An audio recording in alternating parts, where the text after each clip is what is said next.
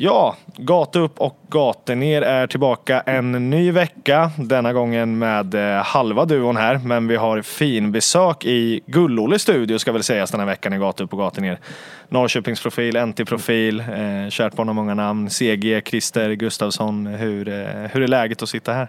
Eh, Det är trevligt faktiskt. Det är en, av de första gångerna jag liksom sitter på den här sidan kan man säga och blir intervjuad istället för att vara den som intervjuar. Så eh, det är väl en liten, eh, liten ny grej på så sätt. Men jag tror jag ska hantera det också. Det tror jag definitivt du kommer göra. Jag tänkte faktiskt, brukar alltid börja med den frågan. Hur, hur känns det de gångerna du, du gör sådana här grejer? Tycker du det är kul eller är det mer liksom obekvämt? Skönare att sitta på andra sidan kanske? Eller? Jag tycker nog det är ganska kul att göra det som omväxling faktiskt. Mm, Eh, Få vara den som svarar för en gångs skull. För det är man ju så sällan annars. Så att, nej, men jag tycker det är kul. Jag tycker det är kul att man får vara med också. Att ni släpper in mig här. Att jag får vara med och prata och promota mig själv och NT tänkte jag säga. Mm, Ja men precis, precis. Ja, men du är en bra representant på det här. Det känns som du har ju varit med, du har varit med jäkligt många år i, i branschen här i Norrköping också. Du är, är du Norrköpingskille från början? Förstått det som? Ja, i stort sett. Jag är född i Gusum egentligen. Det är ju ganska Gusum. nära, men det är ju det här området i alla fall. Så Norrköping har alltid varit liksom min stad, även om jag inte liksom har bott i, i Norrköping hela tiden. Men jag flyttade in ganska tidigt till Norrköping när jag ja, så, övre tonåren och sen har jag liksom bott här i, i Norrköping. Härligt. Ja, men jag tänker, eh, jag har gjort en liten enskild fakta ut även, även åt dig. eh, Lite grann i eh, journalisttecken och lite sådär som vi har börjat med. Så jag tänker vi mjukstartar lite. Fullständigt namn? Christer Nils Roland Gustafsson. Ja, fint. Det var inte tokigt va? Nej, verkligen inte. Nils Oskar så är det. Nils Roland. Nils Roland. Ja, jag tänkte på ölen bara sen. Nils Ah. Oskar. Jag tänkte så, fan den satt Ja, Nej? Jag blandar ihop det där. Eh, ålder? Eh, 49. 49. Eh, familj? Ja, jag har en sambo som heter Carolina. Sen har jag två egna barn som heter Jakob och Elias och två bonusbarn som heter Elliot och Turid. Härligt. Eh, om vi går in på fotbollen då. Eh, fot, favoritspelare genom alla tider? Har vi någon sån?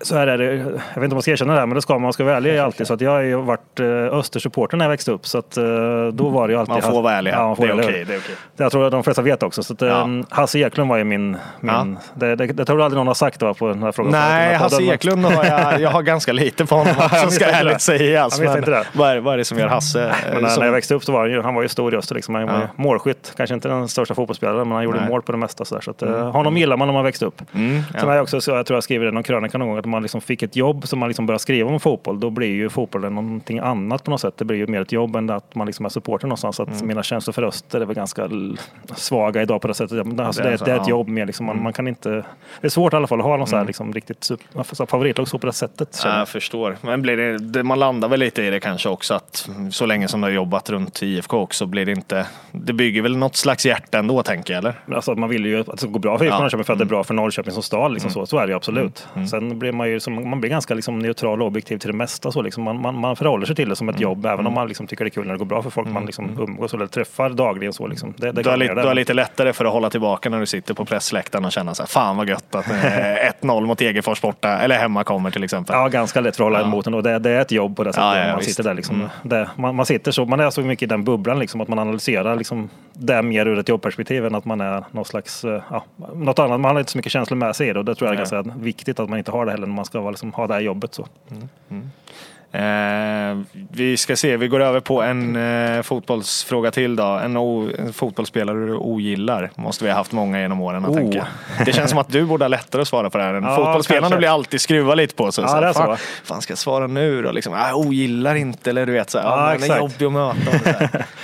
så. Ja, men jag måste ju hänga på det här då, som jag sa att jag var Östersupporter när jag var yngre. Ja, så att, eh. Öster och Kalmar går ju aldrig ihop och eh, det har väl kanske från båda håll varit så ganska länge att det, det finns en antagonism där. Mm. Och eh, Henrik Rydström var en sån spelare som var ganska flitig på att påpeka sådana här saker när han var aktiv. Jag tror till och med att han åkte med den där pokalen va, till, till Växjö med tåget fram och tillbaka när man hade vunnit SM-guld något år där, för, bara för att visa upp den Mm. i, i Växjö. Så, så att, eh, med tanke på hur han har uttalat sig om Öster, då får jag säga Henrik Rydström.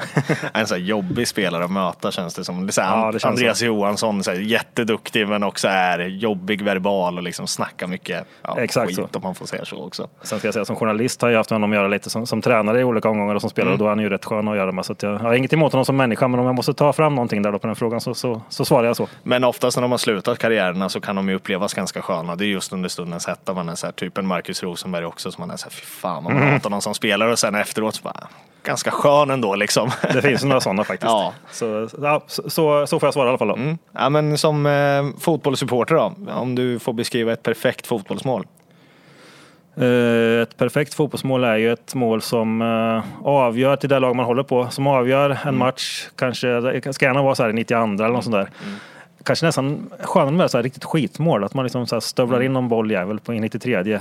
Lite orättvist sådär. Så att man liksom får, får jubla över tre poäng. Typ så. Det, det skulle jag säga är det perfekta målet. Typ Victor Lind mot Häcken eller något sånt där i år va? Ja, han lite- springer lite in den. den, ja fast gärna i 92 och det står 0-0. Ja, men jag Exakt. fattar, det är Ja. exakt det fotbollsmålet man, man drömmer om. Exakt. Victor Linds mål fast det hade varit det som eh, Mike Sema gjorde mot Degerfors. Ja, precis. Mål Ja, där, varit exakt. perfekt. Bytt sekvenserna bara där. Precis.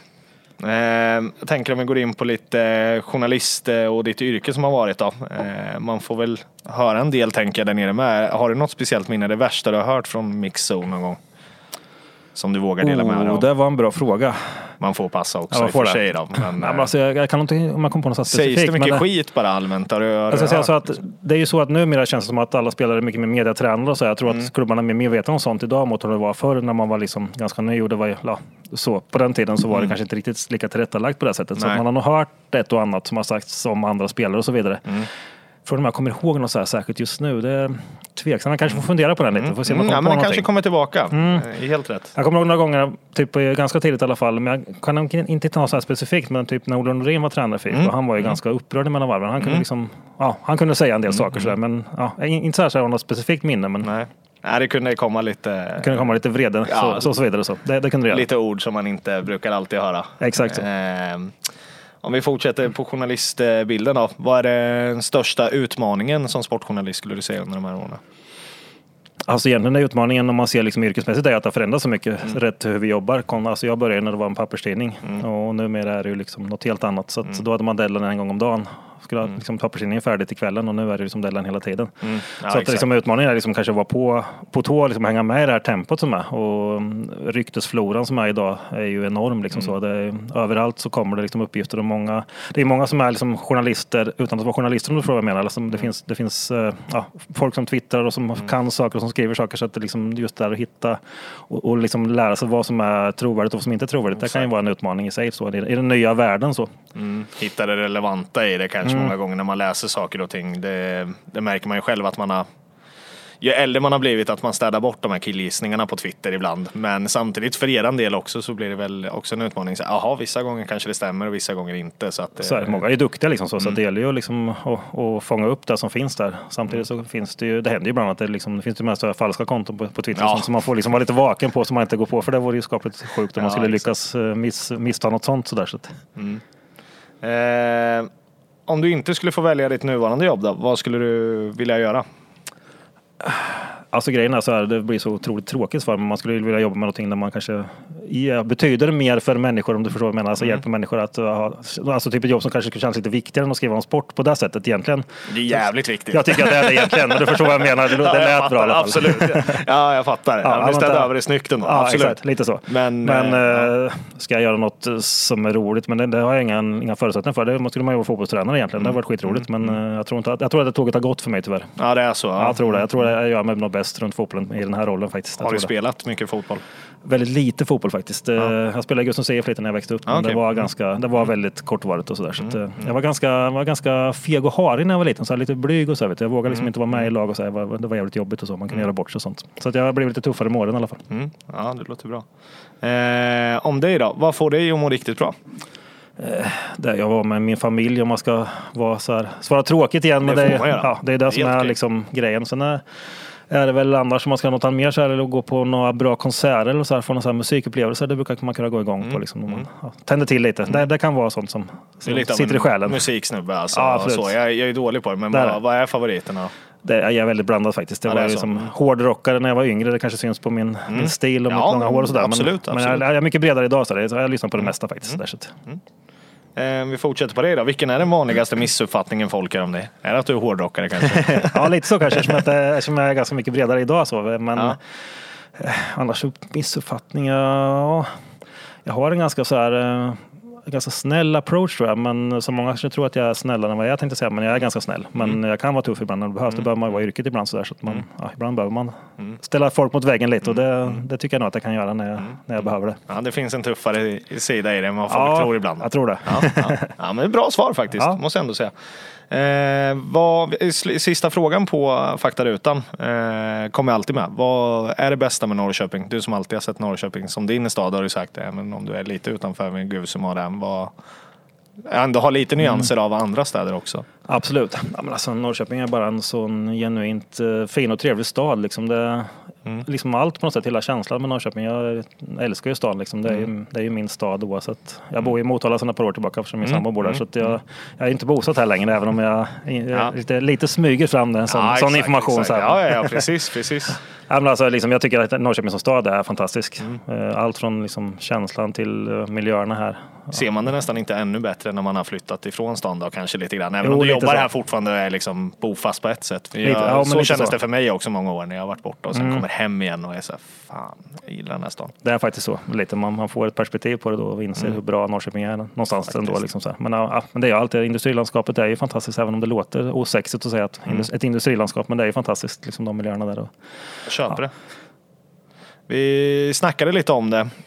Gusum sa du att du var ifrån från början. Eh, Yes. Har det alltid varit liksom i Gusum, hur, dels hur uppväxten var där men också sådär i hela grejen med journalisttanken har det alltid varit en liksom, där du har bliv, velat blivit hela tiden, eller där du har drömt om? det har ju faktiskt varit det kan man säga. Jag var ju sportintresserad tidigt och gillade att skriva väldigt tidigt. Så att jag hade väl den tanken eh, rätt så snabbt. Jag, vet, jag hittade när min mamma gick bort för ett par år sedan så hittade jag på vinden så här, tidningar som jag hade gjort själv och så här, och ritat och haft med när jag var liten. Så det var väl i och för sig tanken det började från början. redan så alltså? Ja, lite så fan faktiskt. Vad coolt. Ja. Ja. så är det. Sen så hade jag väl liksom lite värdighet där när jag gick ut gymnasiet. Så att, eh, då var det väl något lite annat skit ett tag. Jag höll på med eh, plugga något halvår på systemvetenskap som inte passade mig alls. Och sen så dök bara chansen att bli praktikant på NTU upp och då tog jag den Okej, okej. ett halvår och sen efter det så har jag varit kvar där. Så att, eh, När var det? 94. 94? Så att det är ett tag sedan. Mm.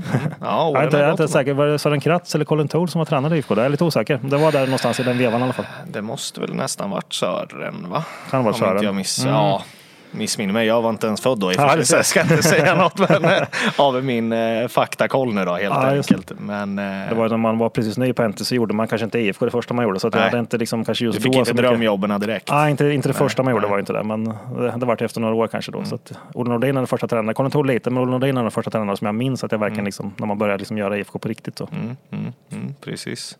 Eh, ja, eh, åren på NT har vi snackat lite om. Du började tidigt där. Vad, vad, vad var det du började med där egentligen? Var det, var det sporten du kom in på direkt då eller var det? Jag har alltid varit på sporten på NT. Det har varit sporten. Äventyrlig kille, liksom inte gjort så mycket annat, i, varken internt eller utanför. Så. För, Förutom det där, lite, par- något år där innan jag började som praktikant. Så. Men det har alltid varit sport, jag har alltid trivts med det, jag har alltid liksom gillat det och sådär. Så, att, eh, så att det liksom inte funnits någon anledning riktigt att byta heller.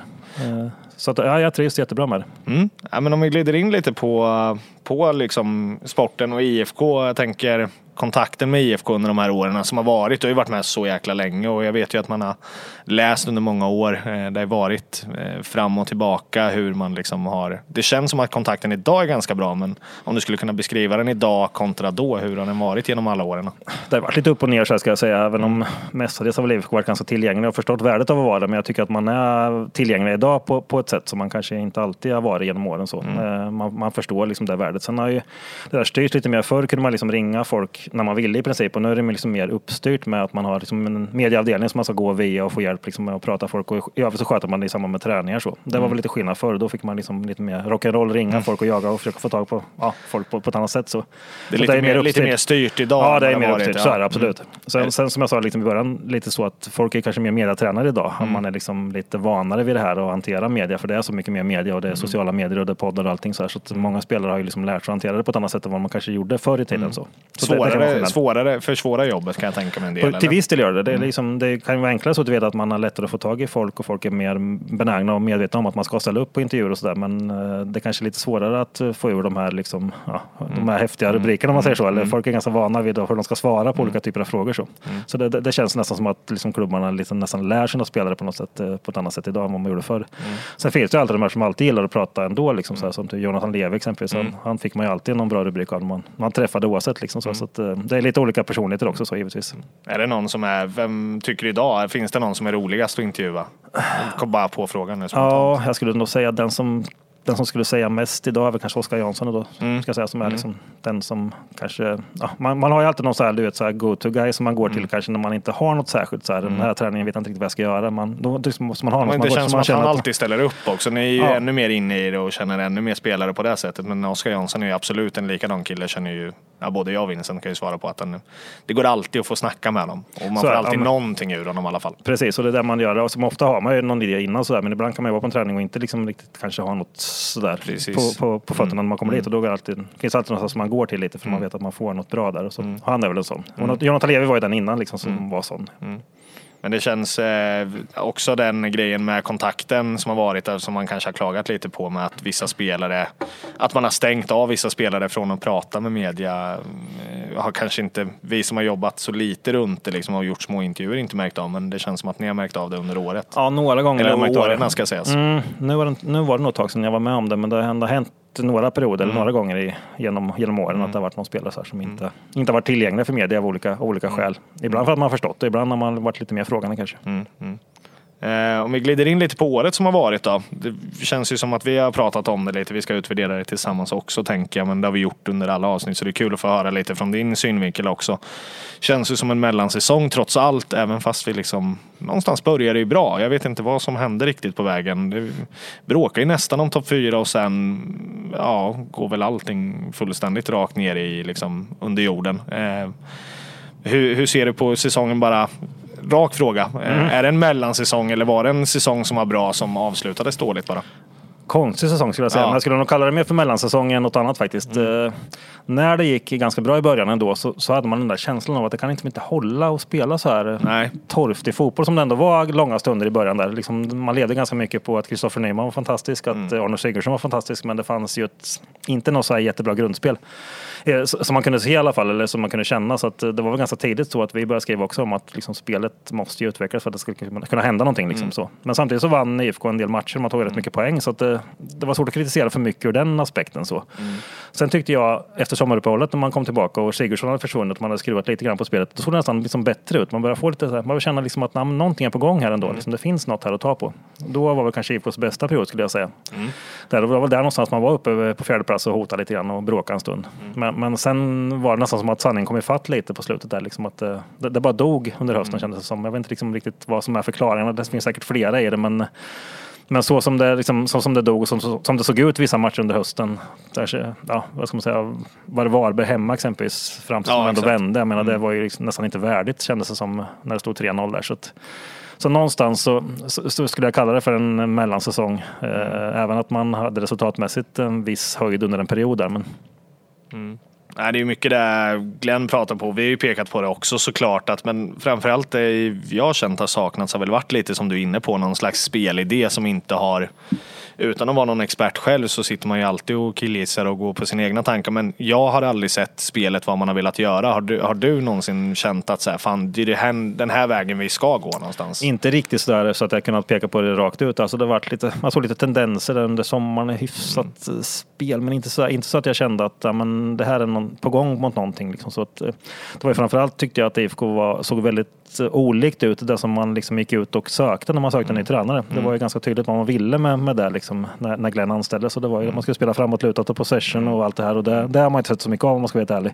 Det är nästan så att Glenn också har sagt att han inte tyckte att han kunde spela den typen av spel med den trupp han har. Så att, Han har ju varit väldigt hård mot, mot spelarna. Det har ju märkts både i träning och utåt sett med. Eh, vi har ju hyllat Glenn många gånger och tycker ju att han har gjort liksom trots allt ett liksom habilt jobb någonstans och rädda oss kvar förra året och ja, gjorde väl någonting i år i alla fall. Men vi hade väl inte förväntat oss så mycket bättre. Men samtidigt när det rasar så rasar det framförallt att vi aldrig har sett någon, någon idé med det. Man kommer ju aldrig kunna få en hundraprocentig trupp heller tänker jag. Alltså, Så är det. Du en måste ju- tränare kommer ju aldrig få det. Precis, du måste kanske lyckas med det material du har på något sätt eller göra det bästa av det. Eh, Det tycker jag man kanske gjorde i perioder, kanske framförallt eh, under, höst, eller under våren. Förlåt. Det var ju då han kanske fick ut mer än vad, man, vad han skulle ha fått med laget och då såg det ju ändå resultatmässigt rätt okej ut även om spelet var uh, halvdant, milt uttryckt. Eh, sen kan jag inget ta ifrån honom att han räddade IFK kvar eh, Absolut. förra året. Eh, Så är det ju absolut. Men det lyfte väl aldrig riktigt på det sätt som IFK hade hoppats på. Sen har han väl varit lite, vad ska man säga, osmart i sitt sätt att uttrycka sig mellan varven utåt sett. Det är kanske inte jättesmart att kritisera den egna akademin gång efter gång efter gång utåt sett. Det kan man göra internt om man tycker att den inte är tillräckligt bra. Men Absolut. att, att uttrycka sig sådär, det blir, det blir lite för mycket tyckte jag efter ett tag. Jag gillar ju tränare som är frispråkiga som vågar säga saker. Det är ju där vi, det, det jag lever på också så att jag är tacksam för det på ett sätt. Men jag kan ju förstå att IFK inte var så nöjda. Nej, jag förstår. Men samtidigt blir det inte också någon slags... Glenn borde det verkligen som kommit som en chock, tänker jag. När han är så pass frispråkig. Liksom. Det är ju ganska tydligt att han har varit där innan. Och det känns som att man borde ha förstått sig. Det känns som att man kanske var lite liksom... Har man ändå tagit in en sån typ av tränare och tror på den, för uppenbarligen så ska han ju vara duktig och skicklig på många andra saker och tagit liksom titlar tidigare. Eh, så det borde inte kommit som en chock. För min del så blir det lite så också att har man tagit in en sån tränare så får man väl någonstans räkna med att det blir så. Det faller tillbaka ganska mycket på scoutingen där. Om man liksom inte har förstått det, då har man inte gjort scoutingen tillräckligt bra heller. Så och då känns det som att man har misslyckats. eh, Enligt Absolut. min personliga åsikt ganska radikalt. För att det hade man ju kunnat tagit reda på ganska fort. Så är det absolut. Och nu har inte jag liksom forskat jättemycket i vilken typ av fotboll han har spelat i andra klubbar tidigare. Men eh, Inte det har säkert, inte varit, eh, säkert kanske varit något liknande så. Liksom, Och då faller det också tillbaka på den scouting IFK har gjort i grunden när man liksom lockar hit honom. Jag är liksom lite kluven till det. Jag har gillat många saker med, med Glenn så hur han har varit. Han, han har ju liksom varit en, frisk fläkt på många sätt. Men det blev lite, liksom lite för mycket. Och när inte fotbollen heller varit, eller utvecklades i den takt som, som man tyckte att det borde. Då, då kändes det som att det var bra för alla parter att ändå gå skilda vägar.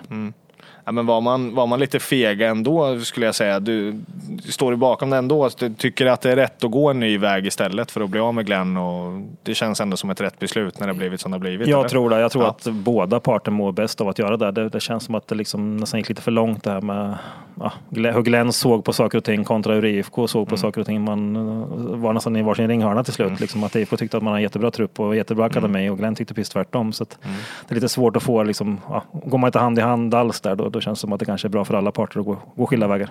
Om vi kommer in på lite rykten som har varit och sådana saker som man aldrig kommer kunna bekräfta. Det har ju snackats en del om att han sökte jobb i Bayern och Odense också tror jag att jag har hört rykten om. Eh, om man går in på de sakerna, hur, hur mycket som, alltså som journalist framför allt, tänker jag, hur mycket mer kanske börjar spelare prata. Vi ska inte gå in på några namn eller vem som har sagt vad eller vad du vet. Men i sådana här lägen när Glenn till exempel får sparken och man förstår ju att spelartruppen har ju tappat honom. Han har ju tappat omklädningsrummet. Hur mycket mer får man höra då som kanske kommer fram istället för under säsong eller när han fortfarande är chefstränare? Där skulle jag säga att, eh, tillbaka till det, att det är lite mer mediatränat idag. Så det är inte så många som säger så mycket så. ändå. Det är Mm. ganska, jag pratade lite med, med Totte Nyman då när han hade fått sparken. Och man, Men han liksom hävdade att det inte var någonting som Nej. spelartruppen låg bakom alls. Så, där, så man får liksom kanske inte riktigt det svaret på det på det Nej. sättet. Men jag tror inte att spelarna var jättenöjda heller med hur det funkade. Det är den känslan jag har i alla fall. så. Sen gällande de här ryktena med Hammarby och Odense, det får man väl säkert inget svar på någon gång. Jag har ju forskat lite i det också liksom, så här, utan att liksom komma fram riktigt till om, om det stämde eller inte. Men eh, det brukar sällan vara någon rök utan eld. Nej men så är det absolut. Ja, men nu, jag tänker likadant. Det var ju likadant med Ekpol och gaten där. Jag vet inte, kommer inte ihåg om det, var, om det var ni som gick ut med det eller vilka det var. Men jag vet att jag läst om det i alla fall. eh, Och eh, var sådär att det dyker upp i efterhand också. Han, han förnekade ju samtidigt så förstår man ju honom också. Han är mediatränad i det där sättet som du säger. Men varför ska man förneka det? Visst, det, det finns ju olika sidor av myntet men jag tänker det är ändå dykt fram massa rök under det liksom. Så Så någonstans det. måste det ju komma fram, tänker jag i alla fall. Jag, jag litar ju på liksom våra källor i det sammanhanget. Ja, så, ja, ja, så, så ja, kan jag säga. Så ja. jag, jag, jag, är Ja. ganska trygg i Ja, den. ja, det är inte, grejen, inte så. du som fiskar fram alla, Nej, alla frågor heller. Nej, Ja. i, det här fallet var det inte jag som skrev det. Men Nej, jag, nej, det det det, känns, det känns, jag känner mig trygg i den. Ja. Ja, men jag tänker bara med Ekpol allmänt eh, lite så. Han vart ju värvad som en liksom, hyllad spelare. Vart det lite av en hackkyckling i Glens bygge har vi snackat om. Det känns ju som vi var ju supernöjda med honom när han kom och var så här, fan det här kommer flyga. Och så gjorde det ju kanske det ett tag. Han var ju den bästa i ett dåligt lag under Norling och sen vart det sämre och sen när Glenn kommer in så känns det som att det var bara frysboxen direkt. Mm, ja, det känns som att han, han, eh, han var den som mådde sämst kanske i hela truppen av att det var ett tränarbyte där. För han hade ju som du säger ett stort förtroende av Rickard Norling som också hade värvat honom och han var ju väldigt han var ju bra då. Liksom. Han var ju mm. er bästa spelare liksom, under den perioden fram till sommaren egentligen. Så att, vad som hände sen är, kan man ju diskutera så, men det är klart att förtroende är ju en sak. Och har du inte riktigt förtroendet så kan man lätt hamna i någon dålig spiral, liksom, att man tappar självförtroende och allting. Det kändes som att det var det som hände med honom för att han, det gick knappt att känna igen honom till slut. På, på den hösten var han ju väldigt darrig och sådär. Så det, det var inte samma spelare nästan. Mm. Nej, jag håller med dig. Nej, helt klart, jag tycker han var, ja men Häcken så hade han jättefina år och sen är det ju allt med fotboll. Nu har jag inte sett hur det går för honom nu men det känns ju som att det finns en liksom jättespelare i honom och han skulle ut i Europa och liksom, det kändes ju som ett jäkla eh, kap av oss. Men så blev ju inte fallet tyvärr och det jag tänker lite med tränarna om vi kommer in på de andra lite. Dina tankar kring det. Det har ryktats en del om nya tränare nu. Det känns som att man har ju ja, gjort så med ganska många tränare på kort tid. Känns ju inte kanske jättetypiskt i IFK de senaste åren som har varit ändå. Det är väl tredje tränaren som försvinner nu efter, ja med Jens inräknat då. Eh, hur ser du på den? Kim har snackats mycket om och många andra tränare. Om du mm. bara spontant hade fått välja själv, hur, hur tror du IFKs väg ska vara framåt? Alltså grejen är att eh, Kim Hellberg är den ultimata tränaren på jättemånga sätt för IFK Norrköping mm. med tanke på hans hjärta för IFK, att han är från stan och att han är liksom Sveriges hetaste tränare. Men jag är mm. tveksam till om det kommer bli någonting ändå. Det känns som att eh, frågan om tajmingen är rätt för honom framförallt. Mm. Just där han befinner sig idag och mm. liksom välja ett IFK som inte riktigt är färdigbyggt och så vidare. Det kan, kan vara så att han liksom sabbar sin egen, eh, sin egen hås på något sätt där om man skulle liksom komma till, till IFK. Samtidigt så skulle han ju få massor av tid i IFK Norrköping. Han mm. skulle kunna bli hjälte där om man liksom tog tog klubben liksom tillbaka till, till där man anser sig höra hemma. Liksom så. så det, det, är väl kluvet, men jag tror att han kanske siktar lite högre just nu och kanske mm. ser sig som IFK-tränare lite längre fram i tiden. För jag tror han kommer bli IFK-tränare förr eller senare. Det är jag rätt övertygad om. Men i den åldern också känns det inte ganska rimligt. Jag fattar liksom ett Värnamo som har kommit före i tabellen och såklart någonstans så vill han ta utvecklingen framåt. Men samtidigt så IFK Norrköping är väl enda, liksom, om man nu får kalla oss fortfarande någon slags, liksom, eh, ska kunna bli någon toppklubb eller vill sträva efter det, så är det väl den tiden han kommer få här finns väl varken i ja, men Häcken som har snackats lite smålöst om, men framförallt Hammarby då till exempel. Det känns inte som att man kan förstöra karriären nästan mer då, gå till ett Bayern och sen var det, han kan vara hetaste tränaren i år och sen nästa år så kan han vara ja, gone nästan eller vad man ska säga liksom, från så, marknaden lite grann. Absolut, så är det. Det är, mm. det är ju alltid svårt att välja väg liksom, vad som är vettigt. Han, alltså, som du säger, IFK Norrköping skulle han ju få väldigt mycket tålamod på det sättet. För att det känns som att liksom, 98 procent av alla människor som följer IFK vill ha mm. Kim Hellberg. Så att, liksom, och IFK skulle vara ganska safe med det. Om man liksom, har gjort uh, fel rekryteringar på tränarsidan två gånger i rad nu, det har inte mm. funkat. Så skulle man ju liksom komma undan med att ta Kim Hellberg. Om det, där, om det skulle bli fel så skulle alla ändå ha förståelse för det. Det var ju det vi alla ville. Liksom. Mm. Det, är, det är inget konstigt med det. det. Det blev som det blev. Men skulle man välja något annat, någon annan väg, någon mm. liksom, som är utifrån som inte är lika beprövad och det blir fel igen, då, då är man liksom, ja, det är kanske det sista man gör då. Det, det kommer inte funka ja. en gång till att göra fel. Liksom så. Nej, det känns väl lite som att man sitter i den båten, som att nu, nu behöver vi få in en tränare. Det har ju ryktats om det, men framförallt under lång sikt. Jag har pratat mycket om det i podden, framförallt om att ha, och även internt också bland kompisar, nu måste vi nästan ha tålamod. Jag tror inte jag kommer sitta och säga likadant om ett år när det har gått dåligt, när det kommer tio kanske, men någonstans så måste vi ändå kanske ha det förtroendet som man har haft för, jag tycker Elfsborg har gjort en jättebra resa där man har liksom trott på Jimmy Thelin hela vägen. Vi gjorde lite grann den ändå med Jan Andersson får man inte heller glömma bort. Det flyger inte, det flyger inte och sen helt plötsligt så är man där och vi vinner guld 2015, Elfsborg nu eh, 20, 2023 liksom kommer tvåa och slåss om det in i sista matchen. Hur, Känns det inte viktigt för den, du som har varit med länge, eh, hur viktigt är det att ha förtroende för en tränare? Det är väldigt viktigt att ha. Alltså kontinuitet ska man aldrig underskatta. Men sen kan man ju, måste man ju någonstans bestämma om man tror att det finns någonting på längre sikt som mm. kommer funka. Det kanske man har gjort med, eller de har säkert gjort med Mitellin i Elfsborg exempelvis. Även mm. när det har gått dåligt så har man sett att det här kommer att fin det finns någonting här att bygga på. Så att mm. liksom, har vi tålamod så kommer det bli bra. Och då ska man ha det tycker jag. Det är, mm. det, det är någon slags framgångsfaktor på något sätt. Sen kan man hamna liksom, som med Glenn exempelvis så kanske man känt att det finns liksom ingenting som kommer att funka ens i längden heller Nej. med oss. Det, det, det, är en fel match helt enkelt och då finns det ingen anledning att hålla kvar vid något bara för sakens skull så att säga, för då är inte kontinuitet någonting som Nej. kanske ger så mycket i alla fall. Men, men eh, jag tror att det är viktigt att man träffar rätt här nu, träffar mm. rätt tränare och då ska man liksom tro på det även långsiktigt. Det alltså, man måste träffa rätt och när man gör, om man gör det så ska man liksom tro på det längre, även om det skulle börja lite halvknackigt så. Då ska man inte, inte få panik och liksom börja ändra igen. Det, det tror jag inte på. Kim är ju liksom ett omöjligt ämne att hamna på just nu. Det, mm. går, det finns ju liksom timmar att snacka om, men framförallt bara tänka det som har varit. Vi har ju släppt fram mycket bra tränare genom åren. Vi har pratat om det i podden också. Jag tycker att eh, jag personligen tycker väl att det är ett jäkla misstag över att ha släppt så många tränare som har gjort. Vi har, liksom, har man kanske varit lite för snabb på att gå på ett, liksom, till exempel när Norling kom då, det var ju en Hunt-grej visserligen. Eh, Hunt vart inte kvar direkt efteråt så Norling kanske inte fick den där jobbtanken som var tanken från början men han fick ändå mycket att jobba med. Det flög aldrig var man lite för tidig med att bara gå på liksom kända namn och försöka göra IFK till någon slags större klubb än vad man kanske var till och med?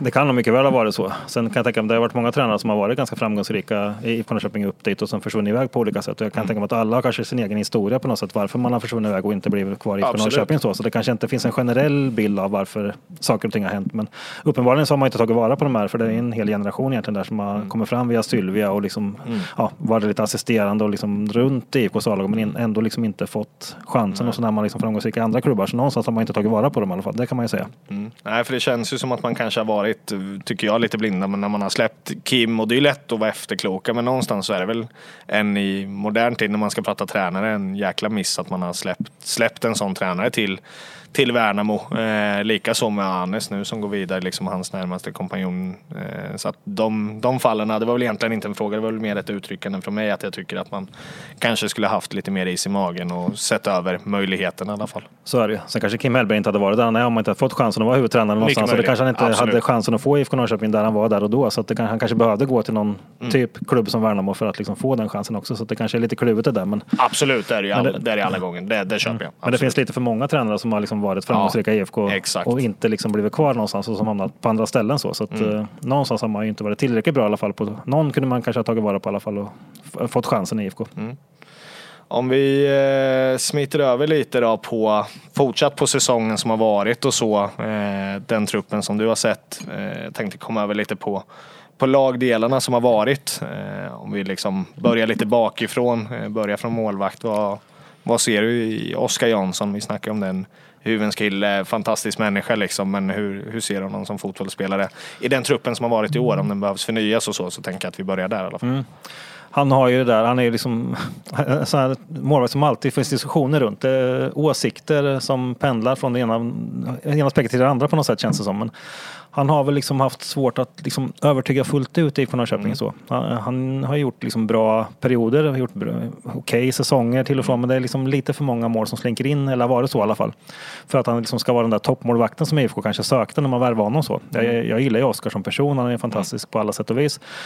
Eh, han är en duktig målvakt men han kanske inte har tagit det där steget fullt ut och vara en toppmålvakt som IFK hade hoppats på. Nej. Nej men exakt, med en toppmålvakt så kan man ju alltid liksom den kan ju göra skillnad och samtidigt så känner man ju de lägena också. Det är ju en extremt utsatt position, så är det ju. Men just med långskotten alltså, som han har haft eh, problem under hela året eh, och sen han kom egentligen. Och han kom ju hit som en liksom, bästa målvakten i Allsvenskan och sitter ju såklart på en hög lön också. Det hade ju kanske pratats annorlunda om honom om han liksom kom hit billigare med ålder och allt vad det innebär. Men, eh, så är det. Otacksam kanske lite att komma efter Isak, Pet Isak Pettersson också som var så Absolut. fantastiskt bra i tre års tid. Liksom så. Så att, eh, mm. Det är klart att det spelar in, men han har ju inte riktigt kanske fyllt ut de skorna fullt ut som, som Isak eh, lämnade. Nej. Nej, absolut inte. Det, det kan man väl alla vara eniga om. Eh, det tror jag nog Oskar kan förstå också. Eh, om vi går över på backlinjen då, hur ser vi på den som har varit i år? Eh, lite skakig skulle man väl sammanfatta det som. Eh, tycker man börjar ganska bra. Det var ju Glens mantra i början att man satte defensiven först mm. och så vidare. Så, men tycker nästan att den har blivit skakigare ju längre året har gått på något sätt. Att, eh, ja, man släppte väl in fjärde mest mm, mål till och med precis. också. Trots att man var så bra defensivt mm. enligt Glenn. Mm. ja, att, exakt. så att, jag vet inte fasen riktigt där. Men eh, alltså okej okay, men inte mer. Så, så kan man väl säga. Eh, man har haft lite bekymmer och tycker jag med det att ha liksom spelskickliga backar på något sätt. Marco Lund är en, en defensiv back. Han är bra på att brunka där bak. Mm. Men kanske inte den där som ska slå upp spelen direkt. Så Anton Eriksson är ju en sån spelare men jag tycker han har varit lite sämre i år än vad han var året innan. Jag tror det finns mer att ta av där dock. Mm. Han kan Känns liksom ju som att de skulle kunna komplettera varandra otroligt bra. Det är ju mm. det man har liksom hoppats på. Eller jag personligen har hoppats på att den är lite träben. Mm. Marco Lund om man får säga så stark i nickduellerna och luften. Och ja, men vågar ju gå på instinkt, eh, vilket blir ju jävligt fel många gånger. Det blev det ju förra, förra året då ska sägas. I år har det ju blivit bättre, men vi hade väl någon situation där han tog rött kort. Halmstad hemma. Halmstad var hemma bara, det stämmer. Eh, så att man, man väntar in de där lägena liksom. Eh, Mm. Men kan det flyga? Där håller jag med dig, absolut. Anton Eriksson tror jag är någonting att bygga på dock. Om han Ja. liksom kan komma tillbaka där han var i fjol när han kom så, så finns det absolut någonting där att, att satsa på. Eh, Daniel Eid är ju, han är ju vad han är liksom som spelare, lite begränsad men jag tycker att han har gjort en rätt okej säsong ändå som högerback. Sen är det klart att det kanske finns ännu bättre högerbackar att, att, att sikta på men jag tycker ändå en habil allsvensk spelare, liksom, varken mer eller mindre.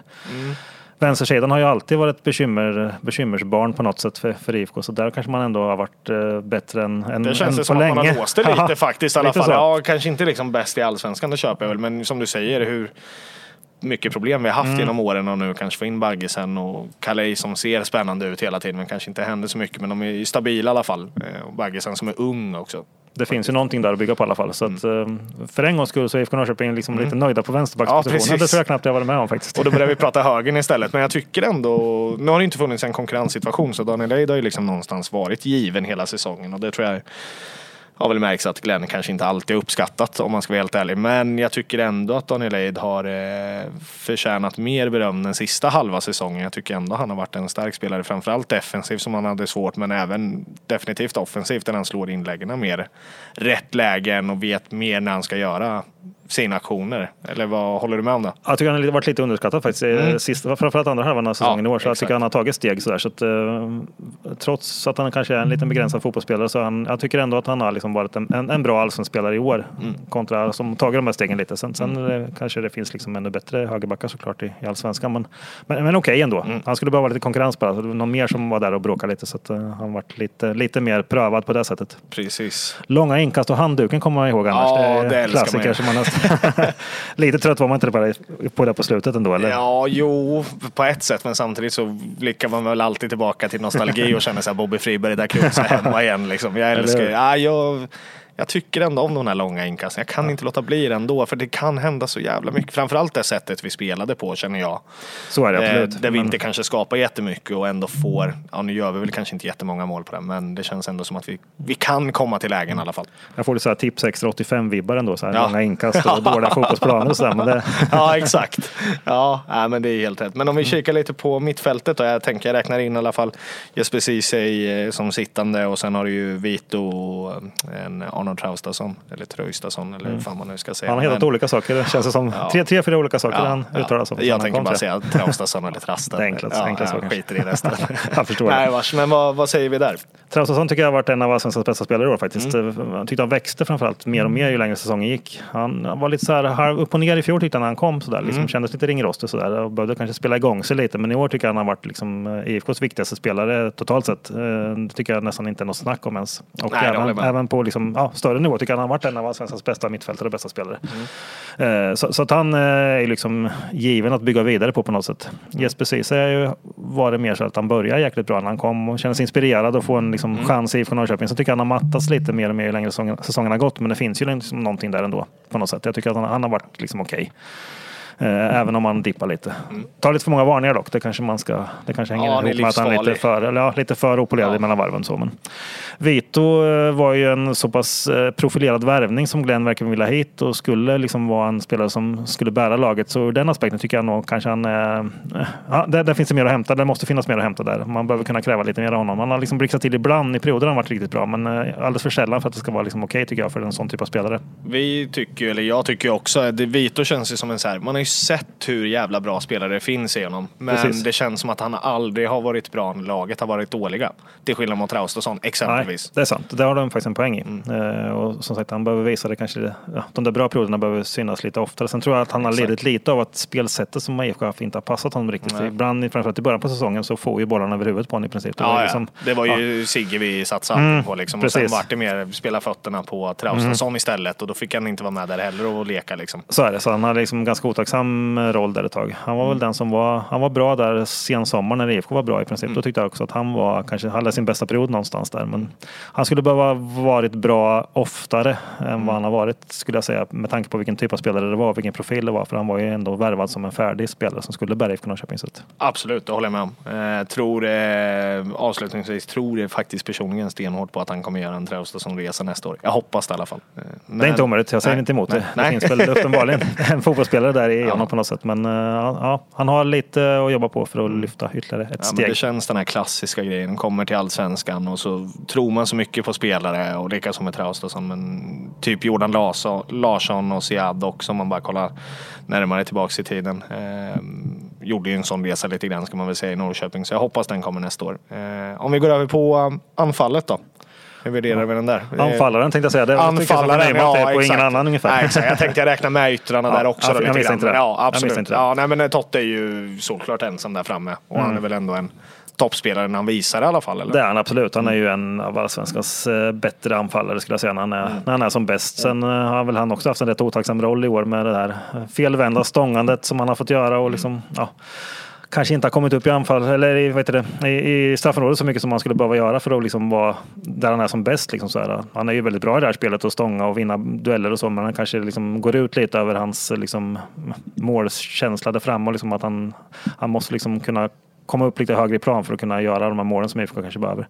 Han har, han känns lite ensam när han varit ensam anfallare med några ytterligare, ytterligare bevis. Han skulle behövt eh, André Lukas Gudjonsson exempelvis och spela tillsammans med. Jag tror det Absolut. har, gynnat honom rätt mycket faktiskt. Mm. Ja, han såg ju iskall ut i Norrköping men har ju Mm. ja, uppenbarligen steppat upp eh, otroligt mycket i Danmark. Så någonting fanns ju som en annan inte såg och uppenbarligen inte Glenn och kanske styrelsen heller då som ville skeppa iväg honom ändå. Tydligen så. Eh, Jag tyckte man såg ibland på träning faktiskt att han hade någonting. Men, Ja det kan jag eh, köpa. ja. Mm. Vi var ju nere i Spanien samtidigt där. Då vet jag att både jag och Vincent snackade några gånger när vi pratade med honom. Tyckte Mm. också han såg jättebra ut men jag har aldrig liksom sett det i spelet. Sen har inte han fått spela 90 heller riktigt ordentligt så att Jag tror han har lidit lite av det, liksom, där, att han spelat så lite. Så när han väl har spelat då har han liksom behövt visa så mycket så han kanske liksom känt, ja, blir någon slags press på så sen har det knutit sig. Jag tyckte han var, var någon bortamatch i Stockholm, var det Hammarby eller Djurgården när han, var, när han fick spela från start? Han var rätt bra faktiskt. Ja, det var det väl va? Det var väl när vi slog Djurgården tänkte jag säga. Det gjorde vi väl aldrig. Vi 2-2 blev kryssade väl där. Ja, vi tog ledning med 2 2-0 där var det väl. Eller hur Just det låg till. Och Ja, då exakt. Mm. gjorde han till 2-0 målet kommer jag ihåg att han var. Det var ingen som snackade om det men jag kommer ihåg att han vinner Just på det. mittfältet där någonstans. Han är nere ganska långt ner. Mm. Det stämmer, absolut. Så han hade några sådana här hyfsade liksom, Mm. grejer och, och så. Så att någonting fanns ju där. Men sen är det klart, den här utväxlingen kanske knappt någon hade trott Nej. på så fort i alla fall. Sen, ja, så får vi väl se då. Det, det tvistas ju fortfarande om det, om det finns en klausul och vad den innebär och vad den säger. Så, här, så vi får väl se. Mm. Ja, vad, vad vet du om klausulen? Har du någon koll på den? Ganska lite egentligen, men eh, det märks att det är en liten känslig fråga. Tony är lite instängd där? Ja, är lite, det märks att det är lite så här känslig fråga. Man inte, vill inte svara för mycket om det där. Nej, men eh, nej. någon klausul finns det nog uppenbarligen. Sen är det bara frågan vad den säger exakt eh, och vad IFK har för, ja, vad IFK kan göra liksom så där. Men Är det inte alltid lite så när man alltid får så lite svar? Jag, jag Mm. har börjat reflektera så, framförallt när man, när man läser och även det lilla. Vi kanske pratar med några att när man får ännu mindre svar så känns det som att det är mer rätt man Mm. har. Om du förstår vad jag menar. det kan mycket väl ligga någonting i det. Det, Mm. det brukar kunna vara den där mediedramaturgin som, som funkar ungefär så. Om vi går in lite på, på Sillin då. Jag tänker, dels snackade ni inte riktigt om Victor Lind. Vi kan ju räkna bort honom i stort sett. Eh, Det känns så. Han, han vill ju i alla fall liksom köra Midtjylland i Mm. första hand. Så får han väl se det. Alltså skulle han inte färga där så kanske han blir intresserad längre fram. Men just nu är det ju liksom, IFK går inte på det spåret just nu i alla fall. Eh, vad, vad, eh, ja, men lite personlighetsmässigt, vad, vad tror du att man skulle behöva i, i truppen om vi börjar där? Spelskicklig mittback har vi pratat om. Jag tror man Mm. skulle behöva spetsa mittbackspositionen lite med, med ytterligare någon spelskicklig. Jag vet inte liksom riktigt om Marco Lund blir kvar eller han har bara ett år kvar på kontraktet. Vad händer nu när Glenn har försvunnit? Han har ju fått mycket förtroende av Glenn men inte så mycket förtroende innan. Nej. Eh, Det ligger väl lite oklart i luften där. Eh, Han kan ju mycket väl bli kvar, klar såklart eftersom han har ett år kvar men eh, han kan ju mycket väl hända någonting också. Att båda parter känner att det är läge för något nytt nu.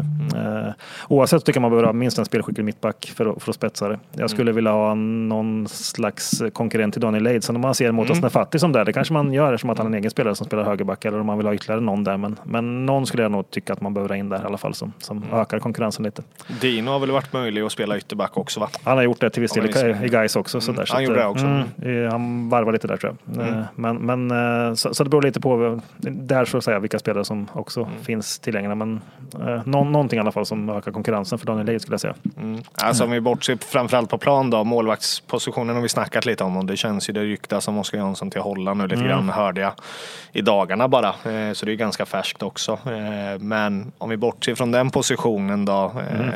Jag tänker mittfältet är väl det som är gjutet i alla fall eller? Eh, Anfallet alltså- är väl där man kanske skulle kunna spetsa. Absolut. Då räkna in ytterligare också. Anfallet behöver ju spetsas. Alltså, Nyman behöver ju ha en lekkamrat om man säger så. En ytterligare anfallare som man kan spela med två anfallare. Det, det är klart Karl Björk kan vara där också men man skulle behöva ha någon till som är... Där snackar vi lån också på Karl Björk. Mm, Han är är det ju eh, en av få kvar nu då, i alla fall som är kvar på lån. Precis. Det kanske man börjar sudda ut lite. Ja, så är det. Men, eh, så, så någon sån i alla fall. Så kanske någon ytter också beroende på lite vilken spelstil man ska. Det hänger ihop med nya tränaren också, vilken, vilket system man vill spela liksom framåt. Men eh, ska man spela med två anfallare behöver man ju definitivt en till i alla fall som kompletterar Nyman. Eh, definitivt så. Eh, Jag skulle kunna tänka mig det. Det beror lite på. Innermittfältet ser ju visst ganska spikat ut, men samtidigt kanske man skulle behöva ytterligare något beroende på hur Rortmarks rehab går och så vidare. Liksom. Ture Sandberg kommer in och får kontrakt, men frågan är hur pass mycket han kommer kunna spela än så länge. Eh, Så att jag tycker det finns ett utrymme för att kanske hitta någon, någon innermittfältare också. Sen är ju Kevin Hög Jansson är ju där till viss del också, så det beror lite på vart man ser Exakt. honom också. Sådär. Vi har att- en Isak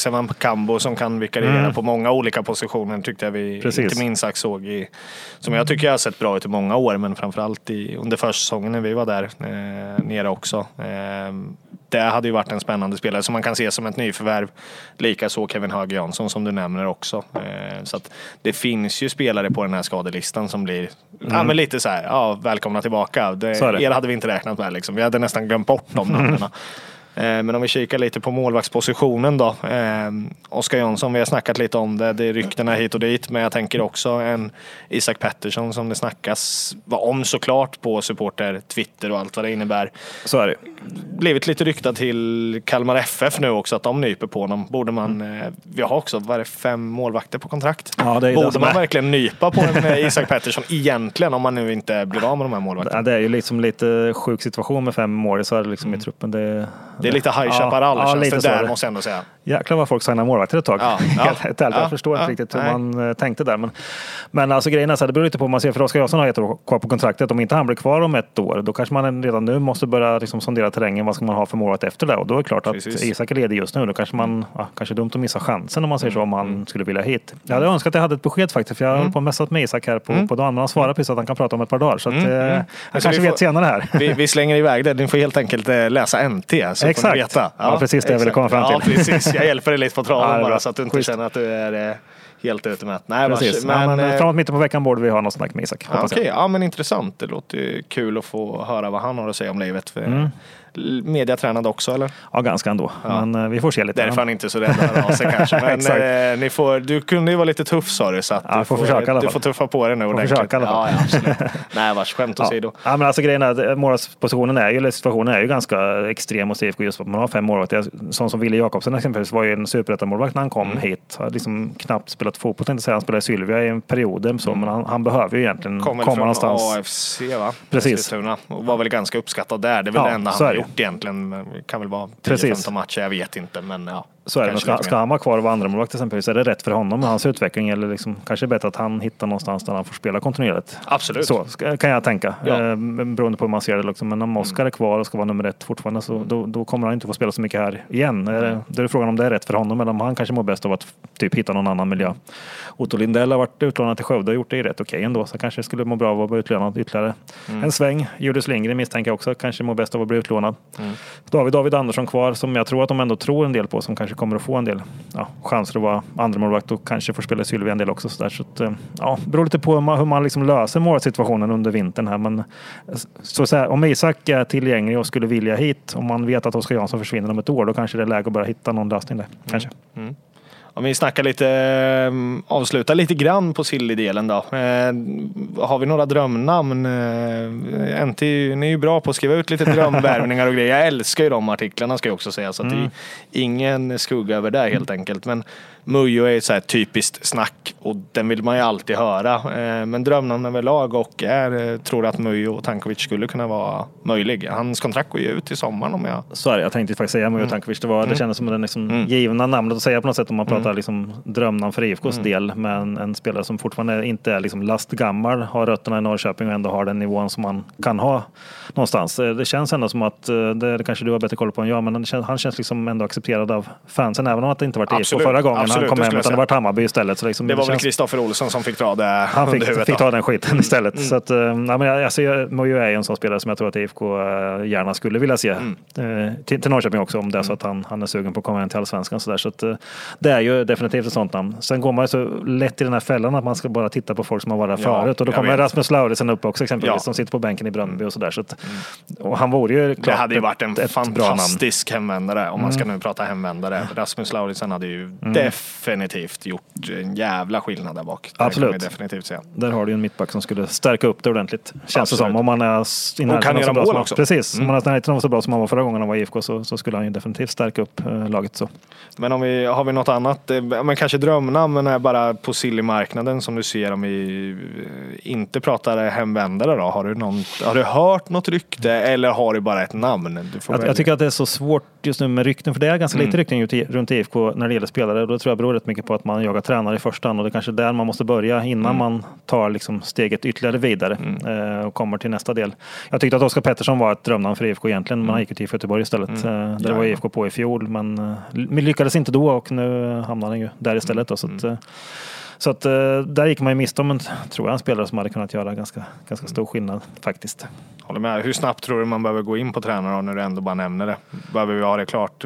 Borde vi varit klara redan? Ju, ju fortare desto bättre, men samtidigt måste det bli rätt som vi var inne på här från början. Så att eh, man ska väl inte förhasta sig innan man känner sig liksom helt trygg med vad som är rätt väg att gå. Så. Men Det finns det alltid att, två sidor av det där myntet. Jag håller med. Så är det. Absolut, jag är jättesvårt att sätta mig själv som supporter och någonstans realist där. Jag köper det. så är det. Men det är klart att man får liksom inte dröja så länge att man liksom halkar efter på, på transfermarknaden Nej. i övrigt. Så, så, att, eh, ju, ju for, så fort det går, men ändå att det blir rätt. Ja. Det kanske är ett jävligt eh, diplomatiskt svar. Men, Jo men det är det väl, men vi kan väl säga så i alla fall att det känns som att innan nyår så måste vi ha en tränare klart. så Känner jag i det. alla fall. Ja, så är det. Det, det, det skulle jag hålla med om också. Ja. Fan du, det drar ut lite på tiden men det var jäkligt kul att surra också. Men jag har lite grejer kvar om inte du är allt för Mm. Nej då, eh, stressad på, hem tänker jag. Eh, jag tänkte vi ska snacka lite om eh, ungdomarna lite. Eh, det har ju varit mycket snack från eh, Glenn Riddersholm till exempel som har sågat den här akademin. Mm. Eh, kanske på rätt sätt. Vi har ju inte släppt fram mycket ungdomar. Eh, I samma tid han klagar så dyker ju liksom en Ture Sandberg upp, eh, Nefatti, Andersson. Hur, eh, hur viktigt, och det ska också sägas, eh, man tog en historisk liksom, tredjeplats precis nu för typ en timma sedan eh, i skandinaviska mästerskapen, svenska mästare i Sverige. Så det finns ju uppenbarligen ungdomar underifrån. Hur, eh, hur ser du då på dem som har kanske sett dem mer än vad vi har sett? Det finns ju några som har talang, det är ganska uppenbart så. Sen Glens poäng har nog varit ganska mycket just det där att de bästa spelarna i den åldern spelar inte i P19 svenskan längre utan de, är liksom, Nej, de har redan liksom rätt tagit, gått vidare. Det är så så att, eh, han menar väl på liksom att IFKs bästa är där av en anledning, liksom att de inte har tagit steget än. Men samtidigt så Alltså man gör det bra där som de har gjort eh, och så, så kan ju utvecklingen komma ganska fort om man får chansen. Liksom så. Det har väl varit IFKs bekymmer på slutet. Man har inte fått upp tillräckligt mycket spelare som också har fått chansen att spela i, i A-laget. Så. Det har funnits ganska många spelare som har stått, stått i vägen kan man säga. Så, så det, vill, det vill väl IFK liksom förändra. Sen måste ju spelarna också vara tillräckligt bra för att kunna vara redo att spela givetvis. Men nu känns det som att den här generationen ändå finns ett par stycken som man faktiskt tänker att de skulle kunna ta det där steget. Mm. Motas Nafati tycker jag har varit bra när han fått, fått eh, visa upp sig. Ture Sandberg har jag gillat eh, faktiskt ganska tidigt. Han så bra ut på träningslägret till och med, tyckte jag i, i vintras där. Med. Isak Elbring, ganska spännande spelartyp. Eh, så.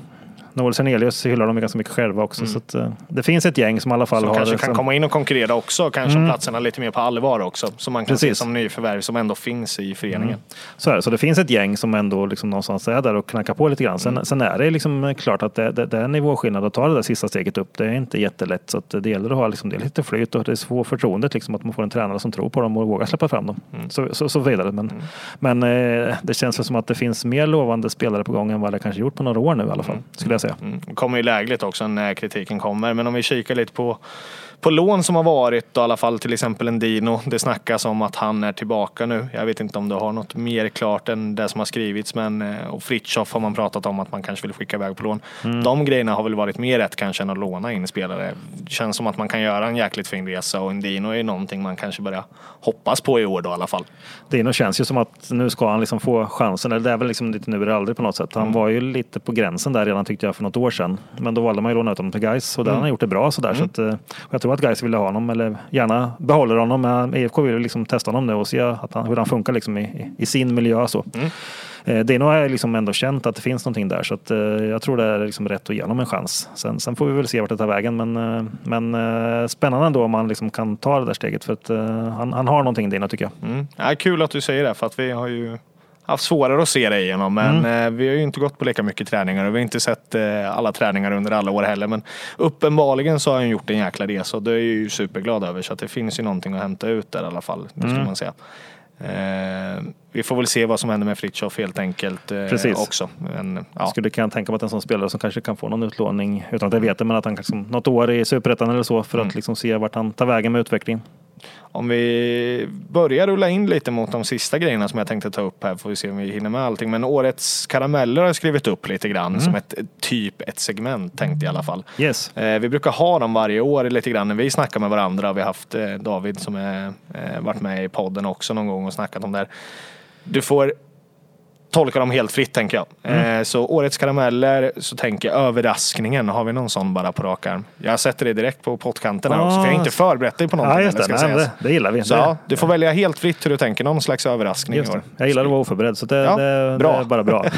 Sen måste jag komma på något också. Det, det är absolut. nästa steg i det hela. Man men- kan också komma tillbaka som vi gjorde, sa Ja. förut. Men eh, har Just vi någon slags överraskning Ja, men alltså, på? det blir ju så tråkigt med årets överraskning. Alltså Marcus Baggesson hade man inte en susning. Mm. om vem det var innan och sen kom han in och var faktiskt rätt så bra ändå får man lov att säga. Man- Jag var lite tveksam till den värvningen först när Mm. han kom för det känns han liksom inga meriter från något A-lag i Danmark. Och så här. Det kändes som att ja, han kanske är något då. Men eh, Mm. jag tycker att han har varit liksom bättre än vad jag trodde han skulle vara. Men han har varit, eh, varit, liksom en, han har varit en överraskning skulle jag säga. Jag kanske kommer på någon bättre om en stund. Ja, nej, men, nej, men jag, tyck. Mm. jag tyckte den var jättebra. För jag köper den, absolut. Jag var inte heller övertygad. Men en ung spelare i alla fall. Och sen kom han in och faktiskt briljerade. För Mm. han hade ju inte spelat eh, seniorfotboll heller. Så att det är Precis. en jättebra överraskning. Mm. Eh, fulaste? Ska man säga Jesper Ceesay då med nio varningar kanske? Ja, ja, absolut, det får man göra. Ja, känns som att det skulle kunna färga där. Mm. Ja, och så kan vi ta Victor. Lins mål också, det där som vi pratade om förut. Det är Exakt. ju jävligt fult också, fast på ett annat sätt. Det borde väl ha blivit, eller kanske blev, jag har inte sett den, Anders, Andreas Johanssons trophy där som brukar vara en Exakt. klassiker varje år. Det är faktiskt Eh, det. Måste jag kolla om det vart till och med sen efteråt. Det kan mycket väl ha varit så. Eh, höjdpunkt? Jag tyckte ändå att både liksom rent yrkesmässigt Mm. och eh, om, om jag hade varit IFK-supporter så var ju kanske ändå Max Semas mål mot Degerfors när han fick springa ut och krama brorsan Ken Mm.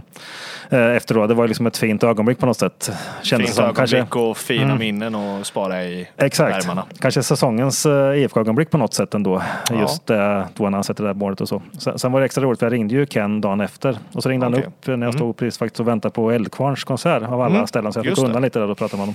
Då la, la jag världens salva där om han tyckte att IFK inte hade liksom skött eh, kontakten med honom och Mike så bra genom åren. Och att han liksom kände att uh, IFK var inte självklart för honom att komma hem till när han kommer hem. Så där liksom, så, så att det var liksom dubbla grejer där på något Mm. Ja, sätt. verkligen. Mm. verkligen. Men det känns som att han har varit besviken genom året. Mm. Eh, Eller året, åren. Lite så. Mm. Men just ögonblicket när han liksom är på läktaren och Mike springer ut och kramar om honom efter mål i 92 eller vad det var mot, mot Degerfors som avgjorde med 1-0. Så det, det får man väl ta ändå på något sätt. Då. Årets höjdpunkt helt enkelt. Eh, Absolut. Spelare då? Ja, det är ju Arno Traustason i så fall. Mm. Eh, Vi delar ju ut vårt pris, mm. Smålandsligan också, till, till honom. Mm. Eh, han hade klart högst eh, snittbetyg faktiskt i år. Så att, eh, det var en ovanligt eh, stor seger faktiskt. Den. Känns som att han skulle få varenda pris typ på en stjärnkväll om det Exakt. så. Eller bara alla priser alla Norrköpings supportrar vill dela ut. Så, att, Precis, ja, men så var det ju. så är det definitivt. Eh, Flopp? Mm. Behöver inte vara spelare heller. Kan vara en match eller vad som helst. Absolut, här måste vi hitta på något bra här. Det här är Bara så ja exakt. äh, man behöver inte alltid gå på content. Vi, vi, vi jagar inte bara klicks, jag lovar. Det Jag skojar. Det? Nej. Nej men har vi någon flopp eh, Eh, under det året? måste vi ha, men jag funderar på Spelare eller match? Eh, gud vad, alltså årets flopp är väl de första 70 minuterna mot Varberg hemma då. 0-3 Ja. eller vad det var, 70 någonting. Ja. Det var ju bland det värre man har sett. Faktiskt. Jag håller med. Ja. Mm. Jag skulle nog nästan kunna slänga in eh, bara spontant nu. eh, och då såg jag väl Glenn ändå som jag gillat och Ja. liksom hylla lite grann. Men eh, hans byte mot Malmö när vi var nere på Victor Linder när han skickade ner honom på högerback eller om Just det. vänsterback. Stämmer. Ja, nej, det var ju en riktigt misslyckande. Ett Mm. Det vågat försök. Det kan man säga. Mm. Så Kanske, möjligen den taktiska uppställningen och den taktiska ingången i matchen mot Värnamo borta också när det var typ så här Ja. 2-9-0 eller Ja, något så här i ja. uppställning.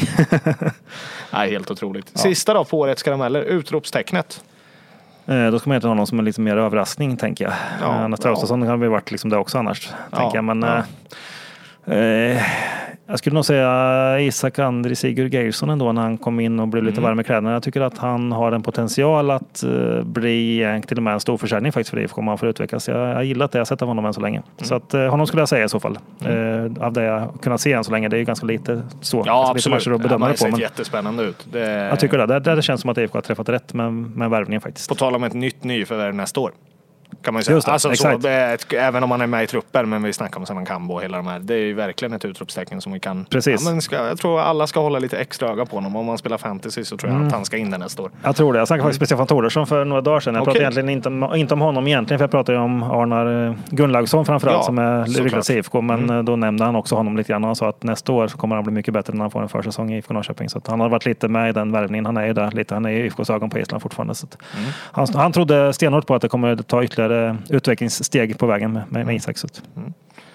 Perfekt. Ja, men det var de karamellerna jag hade eh, faktiskt. Så att, eh, vi har betat av eh, typ det mesta jag har faktiskt. Jag har lite lyssnarfrågor kvar bara. Tänker jag att jag ska sprida ut några stycken. Det, är faktiskt, det måste också sägas. Det är nästan rekord på frågor. Till, det så? Eh, alltså, då har vi haft ändå en hel del spelare med genom åren och profiler runt stan. Så att, eh, ja, jag har inte koll på det men det måste typ vara mest av, eh, till dig faktiskt. Så att, eh, du är uppskattad. det gillar vi. Mm.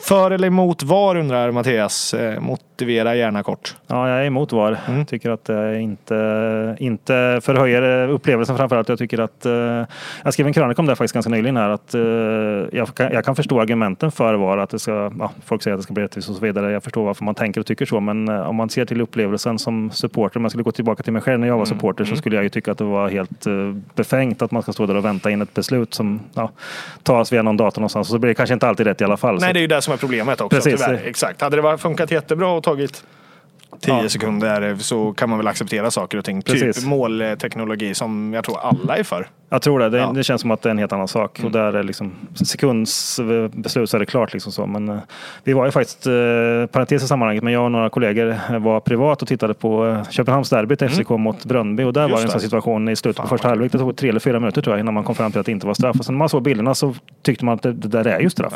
Ja. Det är ju liksom jättekonstigt. Ja. Men och alla som är liksom för det måste ju ändå tycka att det är ju inte bra som det är i alla fall. Nej, exakt så. Men nej, jag är helt med dig. Eh, emot, det låter bra. Ja. Du är med på, du tar rygg på hela IFK nu. Det är perfekt. Exakt. Eh, Airbus på tweet, eller Instagram undrar hur du tycker styret har varit eh, i klubben sen eh, Hund fick lämna. Det är ju den här eviga frågan då, Mm. efter Peter Hunt och så vidare. Det var, nog, det var nog läge att eh, förändra där och då, som situationen var i IFK Norrköping. Eh, sen om det har varit liksom det bästa man har kunnat göra efter det, det, det går väl att diskutera. Det kanske inte står folk i kö för att bli varken liksom styrelseledamöter eller ordförande i IFK Norrköping å andra sidan. Men, men det är klart att liksom, om man tittar vart IFK är idag eh, så kan man ju säga att vissa saker har blivit bättre. Man ser damernas utveckling exempelvis har varit fantastisk. Men herrarna har ju stagnerat till viss del och kanske inte gått framåt. Så där finns det ju fog för att tycka att det kanske inte har gått åt rätt håll i alla fall. Nej. Nej, jag förstår det. Bra, bra svar. Eh, jag har en fråga till, eh, tänker jag, från eh, Mirsa som du säkert känner igen. Det tror jag att det gör. Ja, perfekt. Eh, tycker CG att fansen är för toleranta i förhållande till kapaciteten IFK egentligen har? Eh, det, där, det är en svår fråga faktiskt. Eh, jag tycker kanske att IFK har varit ungefär i paritet med vad jag förväntade mig i år. Så ur den aspekten så tycker jag kanske att de har varit eh, ungefär där man säger att de också ska vara. Eh, och då kanske man inte har varit för toleranta. Alltså då, då är det ungefär, jag, jag ser ju att IFK är ungefär ett mittenlag i år, sett i truppen och så vidare. Så inte ur den aspekten, men jag kan förstå vad han menar. Att man liksom kanske, han tycker väl kanske att man ibland ska vara liksom tydligare kravställande mot IFK Norrköping. Att man ska liksom kunna visa mer än vad man gör, så antar jag. Eh, Ja, kanske, inte, kanske inte spontant så. Jag jag kan tycka att det är ganska i paritet med vad, vart, eh, vart IFK bör vara just nu. Och och så, det kan jag tycka. Sen, sen var det ju en del burop mot Varberg och det var väl ganska befriande med tanke på hur pass illa det såg ut. Så där, där kan jag Ja, tycka. men där är väl ändå kan jag rimligt. Nej, men jag tycker absolut att man kan vara mer kritiska många gånger, men ja, jag tycker ändå det är ganska rätt att stå bakom det. Om man tycker att eh, man får alltid backa klubben på något sätt. Och sen får man liksom, eh, som du säger också, det är ju medlemsstyrt. Så att eh, har man en bättre kandidat så får man väl ställa upp själv tänker jag. Så är det, går ju absolut. faktiskt ja, då, det går ju att påverka saker på, det ser vi väl om inte annat på den fråga vi började den här frågebatteriet med. VAR-frågan där. Några supportrar faktiskt eh, var där och motionerade ett par år, par år i rad tror jag va? och andra året Ja, så fick man igenom sitt, sitt, sin motion. Så att, eh, det går ju att påverka om man vill. Ja, men jag slänger med en sista, sen är vi klara, jag lovar. Eh, jag tyckte den var lite rolig. Eh, Henrik undrar varför, eh, varför envisas CG och många andra sport, sportjournalister med att kalla utrymmet korridorerna under läktaren för katakomber? Katakomber är en underjordisk begravningsplats. Det var en är det en underjordisk begravningsplats där nere? Ja, är det, det så ja, det kanske är att ta i om man ska vara helt ärlig. Men det, det är inte så jäkla sexigt det området. i och för sig. Det kan du hålla med om. Du har varit där några gånger. Det är ganska betongigt och Ja, det är tråkigt. det. Det är det absolut. Det är det Men, inte, eh, men begravningsplats är ju att ta i och för Till sig. skillnad då. mot Malmö så var det ju superfint och sen Degerfors har vi varit i också. Det var, ja, men det var, det var charmigt liksom på något sätt. Mm. Ja. Men nej, jag håller med. Det, Ja, nej, katakomber är ju att ta då kanske. Det är, begravningsplats är det kanske inte. Men eh, jag vet inte. Jag, jag, jag kanske använt det några gånger också. Det, det kan mycket väl stämma. Det kanske är någon sån här Nej, slentrian-grej inte som man bara gör. märkt det, men jag, ja, man säger ju faktiskt katakomber. Ja, men det händer nog. Så att jag, jag, jag, ger, jag ger eh, det är rätt. Det är Ja. nog så att vi gör det ibland. Ja. Eh, Kanske obetänksamt då. Ja, Men det kanske är något, någon vad ska man säga, psykologi att det inte är så himla sexigt att vara där heller. Så Det kan vara så i grunden, vem vet. så är det. Ja men det var alla lyssnarfrågor jag eh, tog med tänkte jag. Jag Ja. sa någonstans mellan 40 minuter till en timme och vi har landat på ja, dryga timmen här i alla fall. Jag, är supernöjd och supertacksam för att du tog dig tid att ställa upp eh, på den här kvällen. Du ska hem till Motala misstänker jag också. Det gör jag gärna. Så det, det var kul att vara här. Mm. Jag kommer gärna igenom det så att du, du vill det. Så att, Det får du jättegärna göra. Jag tyckte det var superkul. Det ska erkännas att jag var lite nervös från att göra min liksom, första intervju själv. Jag tror jag har haft Simon med som spelar Fifa förut om du känner igen honom. Ja, just det. Eh, har jag haft med själv då när vi har pratat om det. Men jag har nog aldrig gjort en sån här intervju själv. Så att det, var, det var roligt. Så nu har jag fått det överstökat. Kan, jag- kan jag skriva av det på bucketlisten. Och du kan bocka av som du skrev till mig att du har fått podda efter stängning på en eh, ölstuga också. Exakt. Du sitter ju på Gull-Olle ska sägas. Det har vi inte sagt. precis. Så att, Jag tror aldrig jag varit på krogen när den är stängd. Nej, faktiskt. nej exakt. Så att, eh, nej men härligt. Vi har fått bocka av lite på våra bucketlist och jag är som sagt supertacksam för att du ställde upp och så vill jag tacka bara spontant sådär sista att eh, alla som har lyssnat och de får gärna ratea och följa oss och allt vad det där innebär så hörs vi förhoppningsvis nästa vecka med båda tillgängliga och så ses vi framöver. Det lär vi göra. Kanske på lägret om inte annars. I, i, Mm. Ja, jag hoppas det. Vi försöker jobba in det fortfarande som sagt var. Vi ska bara se till. Du har ju mer ett drömjobb än vad vi har när det gäller att resa iväg på försångslägret. Men vi, vi jobbar på det. Det låter bra. Ja, härligt. Grymt. Tack snälla Sigge. Tack själv.